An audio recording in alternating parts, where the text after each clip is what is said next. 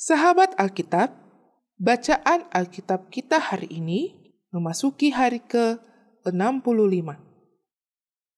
Bacaan pertama terambil dari 1 Tesalonika pasal 4. Akhirnya, saudara-saudara, kami minta dan nasihatkan kamu dalam Tuhan Yesus kamu telah mendengar dari kami bagaimana kamu harus hidup supaya berkenan kepada Allah.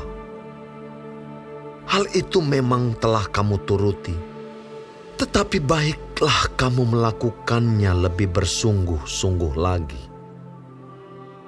Kamu tahu juga petunjuk-petunjuk mana yang telah kami berikan kepadamu atas nama Tuhan Yesus karena inilah kehendak Allah, pengudusanmu, yaitu supaya kamu menjauhi percabulan, supaya kamu masing-masing mengambil seorang perempuan menjadi istrimu sendiri, dan hidup di dalam pengudusan dan penghormatan, bukan di dalam keinginan hawa nafsu, seperti yang dibuat oleh orang-orang yang tidak mengenal Allah dan supaya dalam hal-hal ini orang jangan memperlakukan saudaranya dengan tidak baik atau memperdayakannya.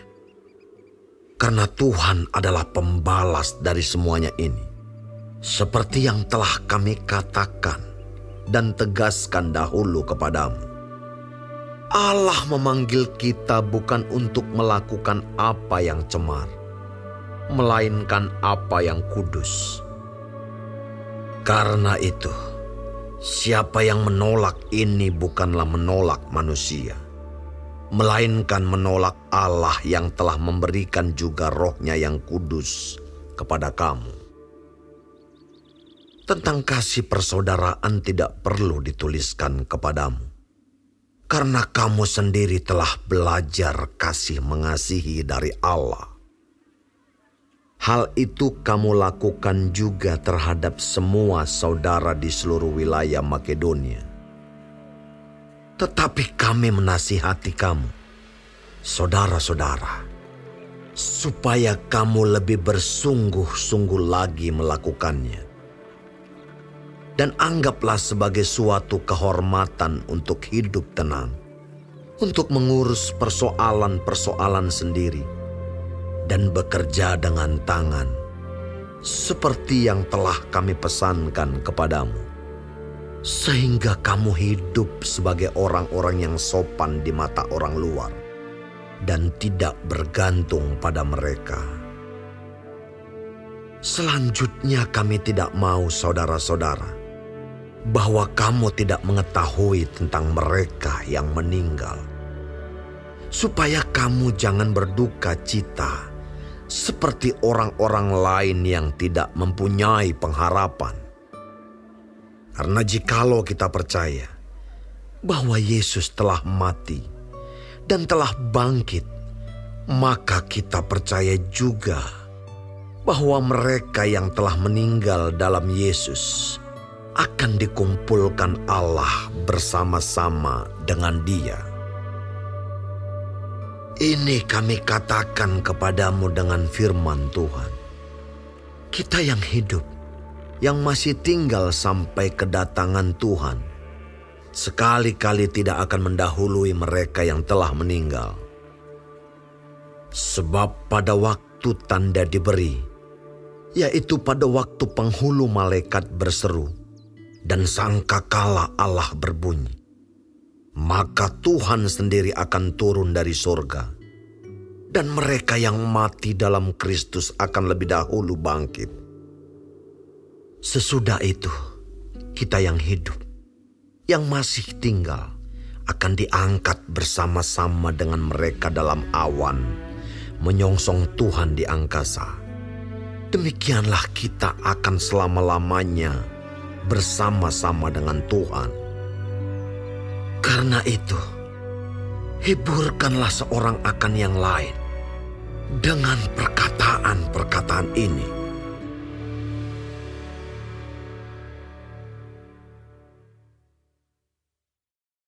Bacaan kedua terambil dari Yesaya pasal 20 sampai dengan Yesaya pasal 22. Pada tahun ketika panglima yang dikirim oleh Sargon, Raja Asyur, tiba di Asdod, lalu memerangi dan merebutnya. Pada waktu itu, berfirmanlah Tuhan melalui Yesaya bin Amos. Firman-Nya, Pergilah dan bukalah kain kabung dari pinggangmu, dan tanggalkanlah kasut dari kakimu. Lalu ia pun berbuat demikian. Maka berjalanlah ia, telanjang dan tidak berkasut. Berfirmanlah Tuhan, Seperti hambaku Yesaya berjalan telanjang dan tidak berkasut tiga tahun lamanya sebagai tanda dan alamat terhadap Mesir dan terhadap Ethiopia. Demikianlah Raja Asyur akan menggiring orang Mesir sebagai tawanan dan orang Ethiopia sebagai buangan. Tua dan muda, telanjang dan tidak berkasut, dengan pantatnya kelihatan suatu penghinaan bagi Mesir. Maka orang akan terkejut dan malu karena Ethiopia, pokok pengharapan mereka, dan karena Mesir, kebanggaan mereka. Dan penduduk tanah Mesir ini akan berkata pada waktu itu, Lihat, beginilah nasib orang-orang yang kami harapkan. Kepada siapa kami melarikan diri minta pertolongan, supaya diselamatkan dari Raja Asyur. Bagaimana mungkin kami terluput?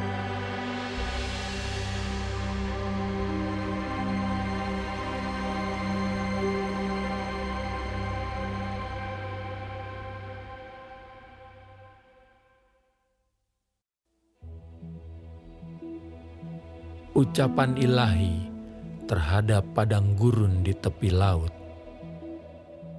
Seperti puting beliung mendesing lewat di tanah Negeb, demikianlah datangnya dari padang gurun, dari negeri yang dahsyat. Suatu penglihatan yang kejam telah diberitakan kepadaku penggarong-menggarong, perusak-merusak. Majulah, hai alam, kepunglah, hai madai. Aku hentikan semua keluh yang ditimbulkannya. Sebab itu pinggangku amat sakit. Sakit mulas menimpa aku seperti sakit mulas perempuan yang melahirkan. Aku terbungkuk-bungkuk tidak mendengar lagi. Aku terkejut, tidak melihat lagi. Hatiku gelisah, kekejutan meliputi aku. Malam hari yang selalu kurindukan itu sekarang menggentarkan aku. Orang sibuk menyajikan hidangan, mengatur tempat-tempat duduk, makan, minum, tiba-tiba kedengaran. Hai para panglima, siaplah tempur, minyakilah perisai. Sebab beginilah firman Tuhan kepadaku. Pergilah, tempatkanlah seorang peninjau apa yang dilihatnya haruslah diberitahukannya. Apabila dilihatnya pasukan, pasangan-pasangan orang berkuda, pasukan keledai, pasukan unta, maka haruslah diperhatikannya sungguh-sungguh dengan penuh perhatian. Kemudian berserulah orang yang melihat itu. Di tempat peninjauan, ya tuanku. Aku berdiri sehari suntuk. Dan di tempat pengawalanku, aku terpancang setiap malam. Lihat, itu sudah datang sepasukan orang, pasang-pasangan orang berkuda. Lalu berserulah ia, katanya, Sudah jatuh. Sudah jatuh Babel. Dan segala patung berhalanya telah dirembukan dan bertaburan di tanah. Hai bangsaku yang telah dipijak-pijak dan diinjak-injak. Apa yang kudengar dari Tuhan semesta alam, Allah Israel, telah kuberitahukan kepadamu. Ucapan ilahi terhadap Duma. Ada seorang berseru kepadaku dari Seir. Hai pengawal, masih lama malam ini. Hai pengawal, masih lama malam ini. Pengawal itu berkata, "Pagi akan datang, tetapi malam juga." Jika kamu mau bertanya, datanglah bertanya sekali lagi. Ucapan ilahi terhadap Arabia. Di belukar di Arabia, kamu akan bermalam. Hai kafilah-kafilah orang Dedan. Hai penduduk tanah Tema, keluarlah, bawalah air kepada orang yang haus. Pergilah, sambutlah orang pelarian dengan roti. Sebab mereka melarikan diri terhadap pedang. Ya, terhadap pedang yang terhunus, terhadap busur yang dilentur, dan terhadap kehebatan peperangan. Sebab beginilah firman Tuhan kepadaku. Dalam setahun lagi, menurut masa kerja prajurit upahan, maka segala kemuliaan Kedar akan habis. Dan dari pemanah-pemanah yang gagah perkasa dari Bani Kedar, akan tinggal sejumlah kecil saja, sebab Tuhan, Allah Israel, telah mengatakannya.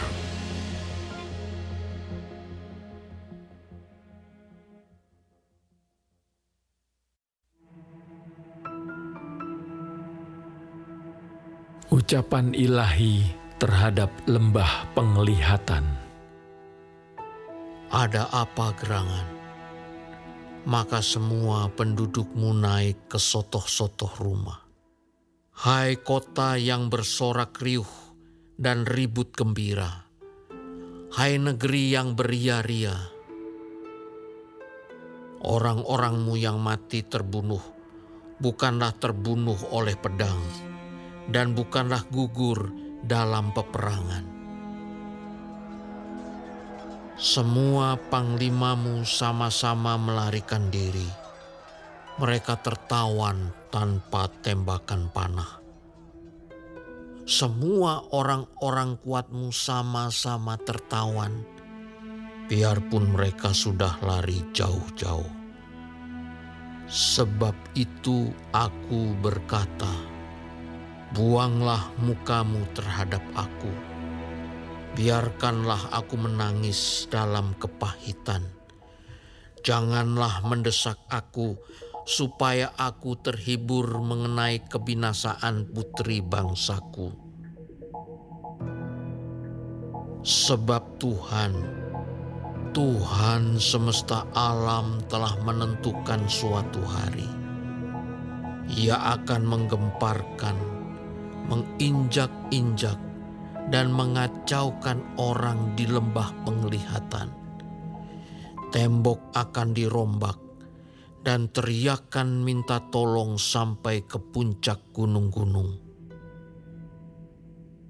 Elam telah memasang tabung panah. Aram datang dengan pasukan berkereta dan berkuda. Dan Kir membuka sarung perisai. Maka lembah-lembahmu yang paling indah penuh dengan kereta. Dan pasukan berkuda berbaris di hadapan pintu gerbang dan Yehuda kehilangan perlindungan. Pada waktu itu, engkau memandang kepada perlengkapan senjata di gedung hutan. Kamu melihat bahwa memang sudah banyak sekali retak-retak tembok kota Daud, dan kamu mengumpulkan air kolam bawah. Kamu menghitung rumah-rumah di Yerusalem dan kamu merobohkan rumah-rumah untuk meneguhkan tembok. Kamu membuat tempat pengumpulan air di antara kedua tembok itu untuk menampung air dari kolam yang lama.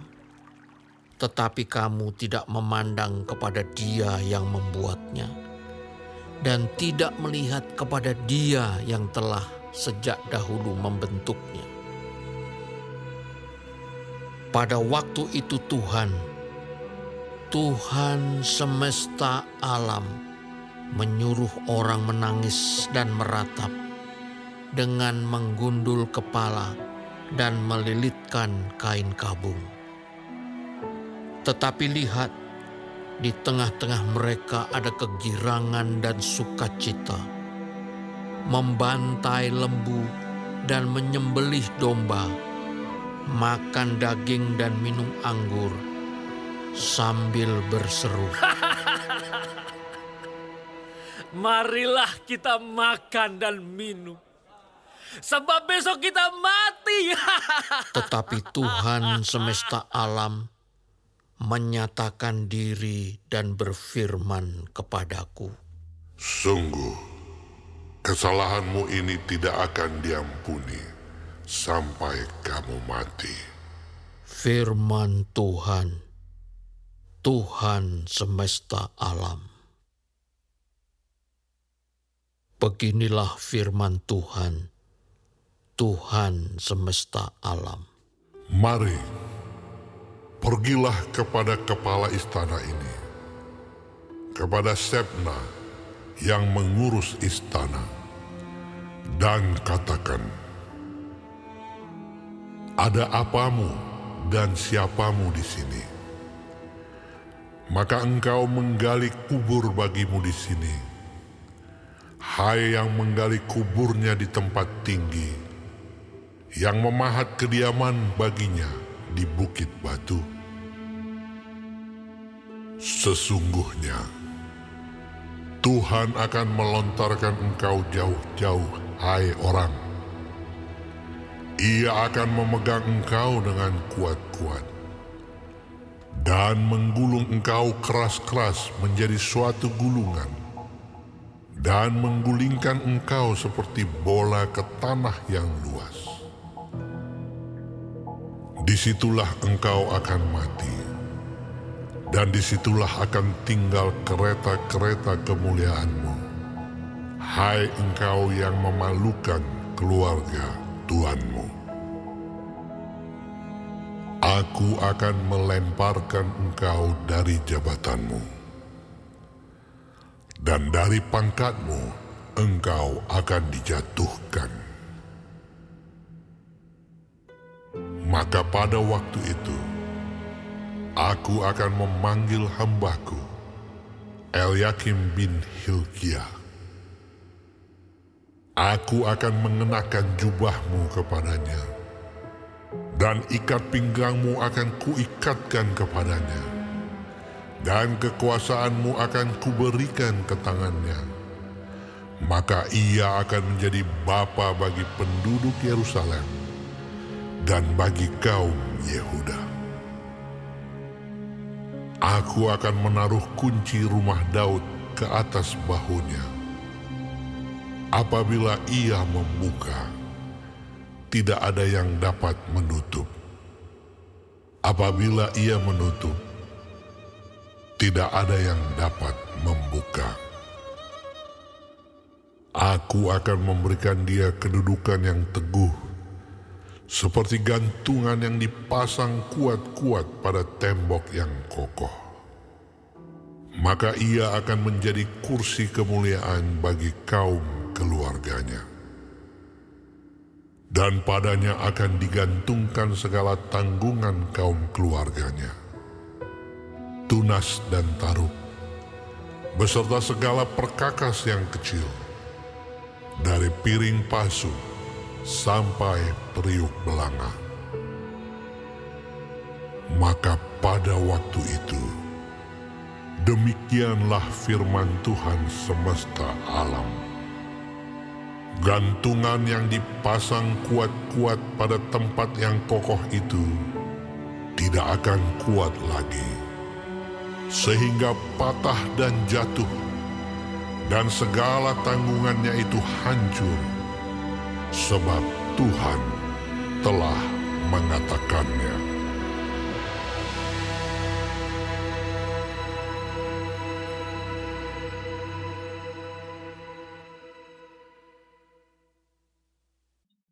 Bacaan ketiga terambil dari Mazmur pasal 115.